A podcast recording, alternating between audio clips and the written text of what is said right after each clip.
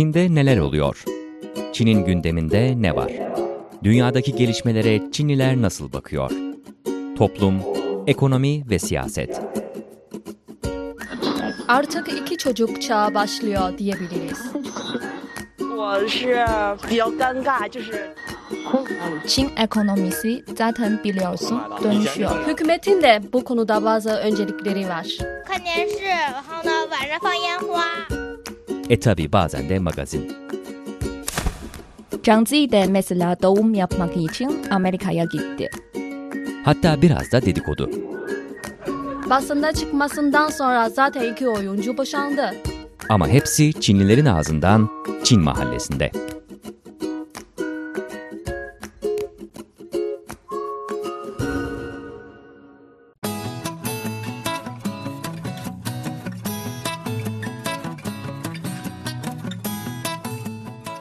Değerli dinleyiciler, Çin Uluslararası Radyosu Beijing stüdyolarından gerçekleştirdiğimiz Çin Mahallesi'ne hoş geldiniz. Ben Cenk Özkömür. Mahalle sakinleri arasında bu hafta Çinli arkadaşlarım Ceyhan ve Cao Bey var. Bu hafta Çin mutfağını konuşmaya çalışacağız. Çin mutfağı çok derin bir konu.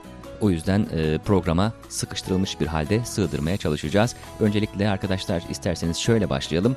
E, Çin mutfağı deyince en böyle karakteristik özellikler olarak neler söyleyebilirsiniz? Ceyhan senle başlayalım. Çin mutfağı dünyadaki en popüler mutfaklardan biri. Çin mutfağı şöyle özelliklere sahip oluyor. Mesela Çin mutfağında kullanmayan malzemeler hem hemen yok. Ee, Ama ağırlı olarak sebze kullanılır. Çok tahıllar, az et yenir. Bir de Çin yemekleri genel olarak sıcak ve pişmiş halde yenir. Dolayısıyla bazı Türk arkadaşların sevdiği ve bildiği e, sushi yemeği aslında Çin yemeği değil. Çünkü çiğ şekilde yenir. E, Aslında sushi bir tür Japon yemeği. Evet. E, Ve Çin yemekleri yemek çubuğu ile yenir. Hı hı. Evet tabii Çin mutfağı deyince e, çok geniş bir coğrafyadan bahsettiğimiz için aynı zamanda e, farklı coğrafyalardan, farklı bölgelerden gelen e, yemeklerin farklı mutfakların hatta alt mutfakların diyebiliriz birleşmesinden bir kaynaşmasından söz ediyoruz. Bu alt sınıflandırmalarla ilgili bir de bilgi rica edeyim senden Ceyhan. Evet, Çin geniş bir coğrafyaya sahip. Aslında çeşitli bölgelere özgün çeşitli yemekler var. Ama bunlar arasında en ünlü olarak Lu, Chuan, Yue, Min, Su, Zhe, Xiang ve Hui olmak üzere Çin'in başlıca 8 yöresel mutfağı temsil ediliyor. Evet. Mesela aralarında böyle kabaca e, ilk aklına gelenler olarak mesela en popülerler olarak e, belli başlı farklardan söz edebilir misin? Mesela şu mutfakta şu vardır, bunda bu vardır diye. Ben Lu mutfağı bir örnek olarak vermek istiyorum. Çünkü benim memleketim e, Shandong eyaleti, onun kısacası Lu. Lu yemeği aslında bu 8 mutfak arasında birinci yerde bulunuyor.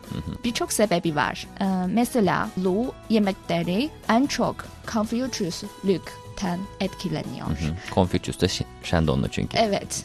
Eee, Lu yemeklerinde uygun baharatlar kullanılması Confucius düşüncesinin uygunluk düşüncesinden etkilenir.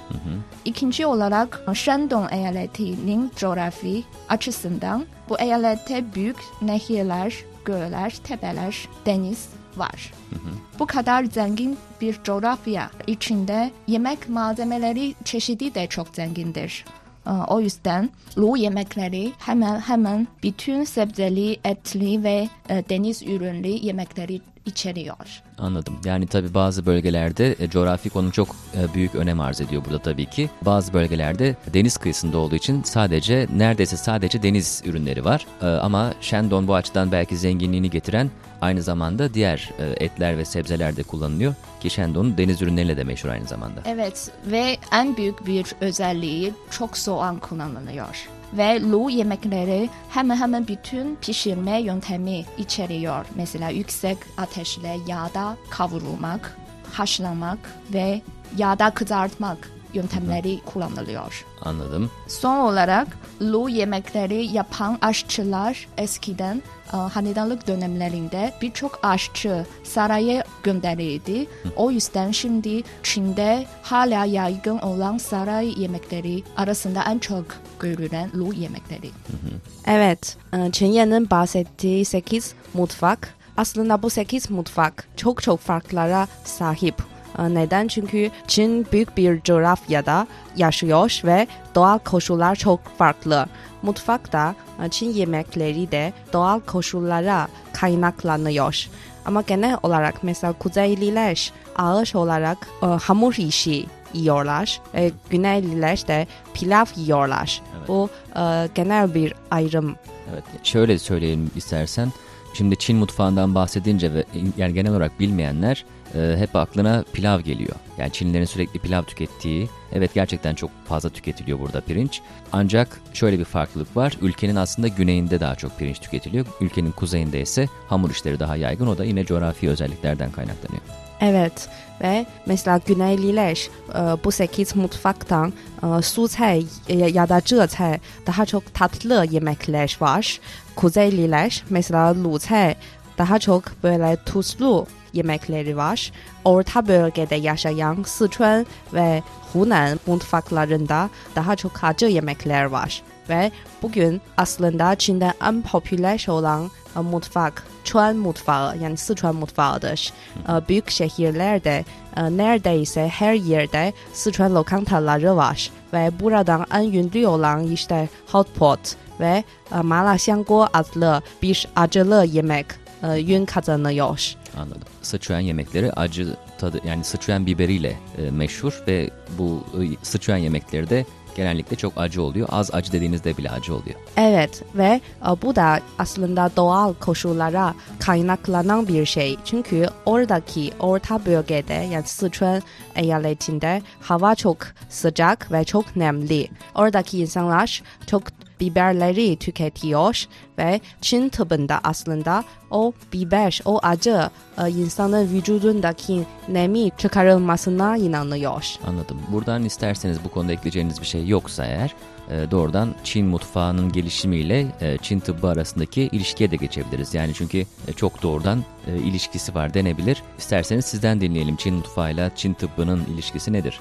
Mesela Çin mutfağı ve Çin tıbbı arasındaki ilişkiden bahsederken e, ilk önce Çin e, mutfağı ve Çin felsefesi arasındaki ilişkiyi anlatmak istiyorum. Çünkü Çin mutfağında ilk olarak insan ve gök arasındaki ilişkiyi anlatıyor. Yani insan ve gök bütünlüğünü gösteriyor. Neden? Çünkü yemekler hep doğaldan geliyor ve mevsim devşimleriyle biz de yemeklerin malzemelerini değiştirmemiz lazım. Mesela baharda neler yenilmesi lazım, kışın neler yenilmesi lazım. Bir örnek vereyim. Mesela baharda turp gibi vücut içindeki ateşi çıkaran e, yemekleri yemek lazım. Çünkü bahar hayvanlar uyanıyor, mikrop uyanıyor. Bu yüzden insanın vücudu sıcaklanıyor ve vücudun içindeki o sıcaklığı çıkarılması lazım. Anladım. Yani tabii bunu e, sıcaklık olarak tabir ediyorsunuz Çince'de, Çin tıbbında ancak tabii bu e, Türkiye'de anlaşılacak şekilde bizim anladığımız vücut ısısı değil. Yani ateşimiz çıktığı anlamındaki bir ısı değil. Yani bu e, kelime olarak ısı hararet diye belki de çevirebiliriz. Fakat e, aslında bu bir e, Çin tıbbı içinde bir kavram. Evet ve mesela kışın soğuk oluyor ve biz aslında kışın da daha çok mesela kan verici şeyleri yiyoruz. Mesela hünnap. Çünkü biz hünnap gibi kan verici şeyler insan vücuduna bu e, sıcaklığı, ateşi getirilmesine inanıyoruz. Ve kışın da yenilmesi lazım. Bu hem Çin mutfağı hem de Çin tıbbıyla ilişkili. Evet, bebeğinin söylediğine çok katılıyorum. Dört mevsime göre sadece bu yemeklerin malzemelerine dikkat edilmesi ile yeterli kalmıyor. Pişirme yöntemleri de dikkat ediliyor. Mesela yazın daha çok meze, e, soğuk yemekler yenmesi, kışın ise çorba gibi sıcak sıcak yemekler yenmesi gerekir. Hmm. Daha önce de bahsettim, Çin yemekleri Konfüçyüslükten çok etkileniyor şu açılardan. Mesela Konfüçyüslük düşüncesine göre bu şi bu şi yani üç öğün vaktine gelinmeden yemek yenmemesi gerekir.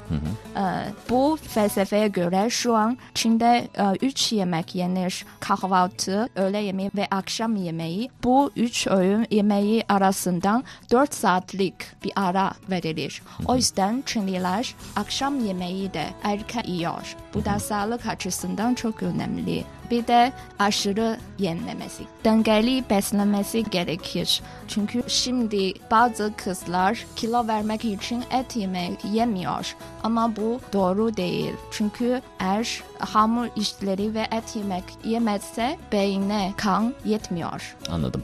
Tabii bu Konfüçyüsçü düşünceye göre Çin mutfağına etkisini söyleyebiliriz. Bunun haricinde tabii ki Çin mutfağında başka e, felsefelerin de etkisi var. Mesela Budizm'de de e, aslında et yenmiyor. E, tam tersi bir e, tablo. Konf- Konfüçyüsçü düşünceden tam ayrı bir tablo. Onun da başka gerekçeleri var tabii. Evet, bir de Çin'e ait bir Daoizm var. Bu Daoizm'e göre e, işte yin yang kavramı var. Ve e, yin yang kavramı altında neredeyse her yemeğin bir yin ya da yang vardır. Mesela üzüm bir yin yemeği. Ne demek mesela yin yemeği veya yan yemeği? Buradaki yin yemeği aslında e, soğuk diyelim. Buradaki yang da sıcak diyelim. E, mesela bu soğuk yemekler vücuduna soğuk getiriyor. Yani o e, soğuk derece anlamına gelmiyor. İnsanın vücuduna getirilen etkiden bahsedilir. Anladım. Belki burada kısaca söylemek de lazım. Yani yin yang tabii ki Daoizme göre yani evrenin temelini oluşturan zıtlıkların birliği gibi bir kavram. Yani yin ve yang birbirinin zıttı. Yani yin e, kadını temsil ediyor, yang erkeği temsil ediyor. Yin soğuğu, yang sıcağı temsil ediyor ve yin karanlığı, yang da aydınlığı temsil ediyor gibi Bunların hepsinin dengesi var ve bu aynı şekilde bu felsefe e, yemeklere uygulandığında da o dediğin gibi e, yin yine e, soğuk yemek, yan sıcak yemek. Bu so- soğuk sıcak da senin söylediğin gibi bebe e, yani dolaptan çıkarttığımız, buzdolabından çıkarttığımız soğukluk anlamında değil. Onun Çin tıbbına göre vücuda getirdiği soğukluk anlamında az önce söylediğimiz hararet kavramıyla ilişkili olarak. Evet ve daha önce de konuştuğumuz mesela vücudundaki ateş ya da sıcaklık da yin yang kavramına kaynaklanıyor. Mesela vücudunda e, çok ateş tutulurken, çok sıcak olurken o zaman biraz soğuk yemekleri yani yin yemekleri yenilmesi lazım. Peki Çin mutfağının e, felsefe ve tıpla ilişkisinde biraz burada toparlayıp geçmiş olalım. E, en son belki bir kavram olarak da yine Çin mutfağının kültürle ilgisi mesela onu konuşabiliriz. E, kültüre olan yansımaları ve kültürün e, mutfağı şekillendirmesiyle ilgili mesela Bey Bey neler söyleyeceksin? Mesela Çin mutfağı, Çin tarihi gibi çok uzun tarihe dayalı bir şey ve her hanedanda yani her her dönemde özel yemekler ortaya çıkıyor ve bugünkü mutfağın zenginliği gerçekleştirildi. E, ilk olarak ben Çin mutfağı ve Çin bayramıyla arasındaki ilişkiyi anlatmak istiyorum. Çünkü bahar bayramı geçti artık ve bahar bayramında neredeyse her gün özel yemekler var. Ee, mesela dediğimiz gibi e, jiaozi yemeği ya da güneyli yuanxiao yemeği yani her gün her gün bir sofrayı kurmamız lazım. Ve aslında bu sofrayı kurmak, yemek yemek aslında ailenin bir araya gelmesi anlamına geliyor ve bu Çinliler için çok önemli bir şey. Ee, Mesela özel bayramlarda bahar bayramı tabii ki jiaozi çok önemli. Sonra da Fener bayramında yuanxiao yani tatlı bir hamur işi yenilmesi lazım. Ejder Kayı Festivali'nde de zongzi adlı bir çeşit e, tatlı hamur işi yenilmesi lazım. Ay bayramında ay çöreği yenilmesi lazım. Yani bunun gibi e, mutfakla kültür arasında doğrudan ilişki var ve de bu kültürde tabii ki e, bayramlarla, bayramdaki ritüellerle birlikte taşındığı için e, tabii ki e, bu mutfakta süreklilik kazanmış oluyor. Yıllarca, binlerce yıl bu şekilde aktarılmış oluyor. Evet bir nokta eklemek istiyorum. Tabii. Ve bir Çin yemeği değerlendirirken e, genelde dört ya da beş usuldan değerlendiriyoruz. E, onun dış görünüşü, kokusu, onun tadı, şekli e, ve onun anlamı. E, işte bu şekli ve anlamı en çok Çin kültürünü yansıtan usuller. Ee, mesela bazen bir Çin yemeğinde çok ince süsleri görebilirsiniz. Ee, bir yemekte turp ya da başka malzemelerden çiçekler ya da bir köşk, bir manzara yapılıyor. Ee, ve bu yemek dışarıdan bakılırken de çok güzel geliyor. Evet yani tadı kadar nasıl sunulduğu da önemli ve anlamlı. Evet anlamlı. Mesela Bebe artık bazı e, bayram yemeklerinden bahsetti. Bunun dışında mesela birçok sıradan yemeklerde anlamı var. E, mesela balık Çin lahanası zenginlik, karides de enerji simgesidir. Ve bunun dışında birçok yemeklerin e, bir hikayesi var. Evet, Çinye'nin dediği hikayelerden de bahsetmek istiyorum. Mesela Çin e, yemeklerinde şu an hala var olan yemekler e, çok çok eskiye dayanıyor. Mesela bin yıl önce yaşayan bir şair Su Dongpo tarafından keşif edilen bir yemek Dongpo Rou şu an hala yiyoruz. Ya da birkaç yüzyıl önce e, İmparator Qianlong e, tarafından adlandırılan e, Qianlong Baicai, Qianlong lahanasını e, hala ve e, bu e, ile ilgili hikaye var. E, bahar bayramında İmparator Qianlong dışarı çıktı. Arefe günüydü. E, dükkanları hepsi kapalıydı. Sadece tek bir dükkan açıktı ve e, Qianlong girdi. Tabii ki dükkanın sahibi bilmiyordu o imparatorun olduğunu. E, hizmet etti. Sonra imparator çok çok memnun kaldı. Dükkanın sahibine e, dükkanın e, ismini sordu. Ama sahibi dükkanımız ismi halen yok dedi. E, sonra imparator Qianlong saraya döndükten sonra bu dükkana e, bir isim ver- verdi.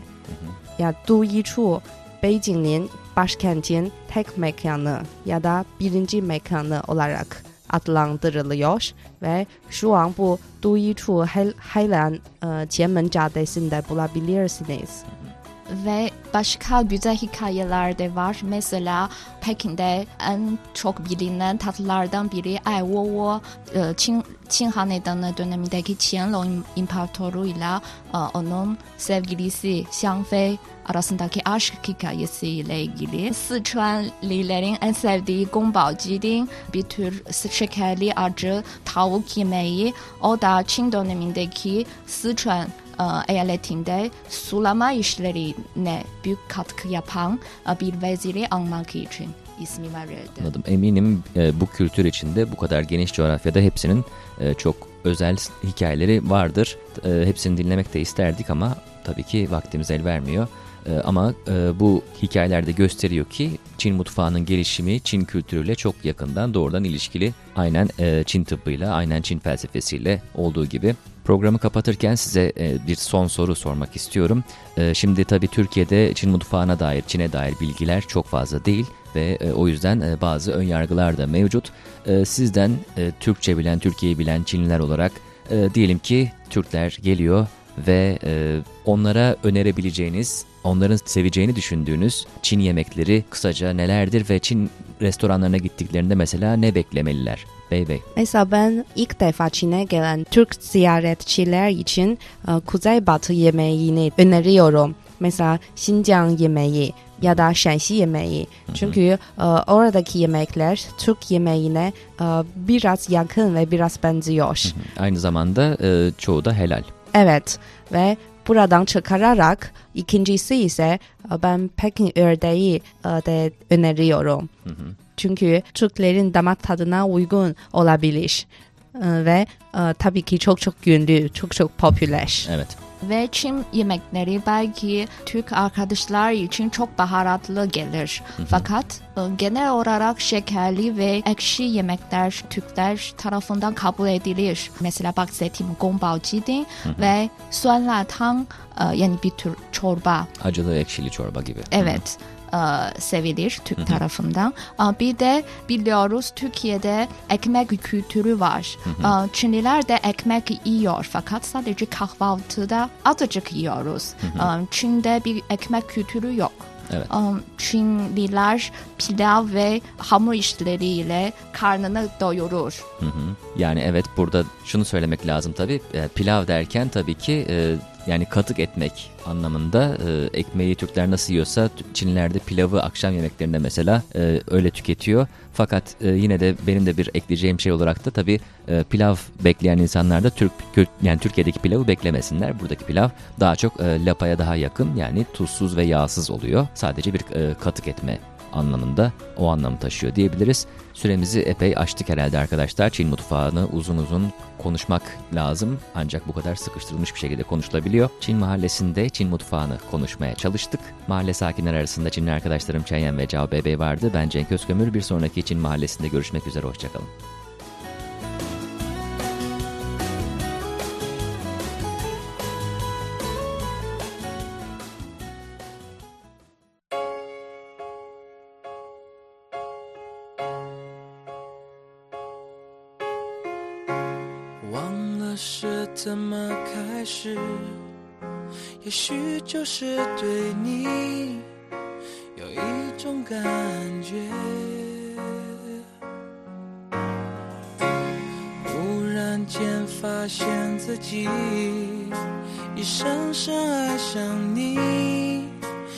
真的很简单。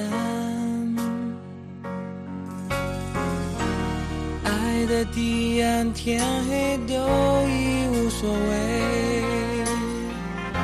是是非非无法抉择，没有后悔为爱日夜去跟随，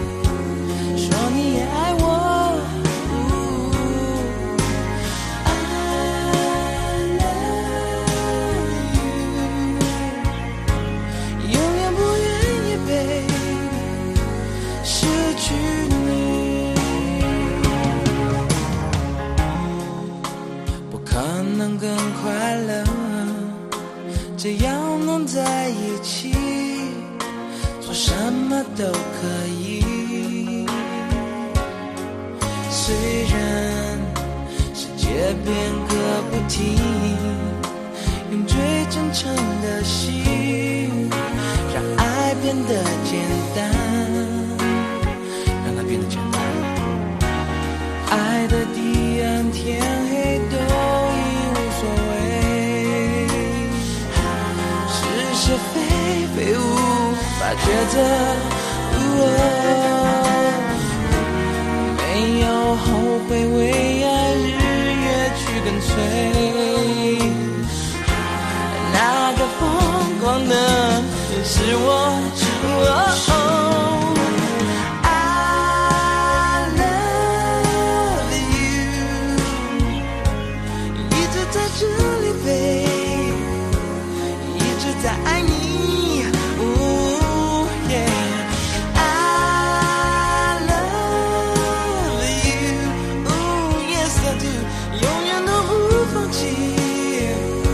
这爱你的权利。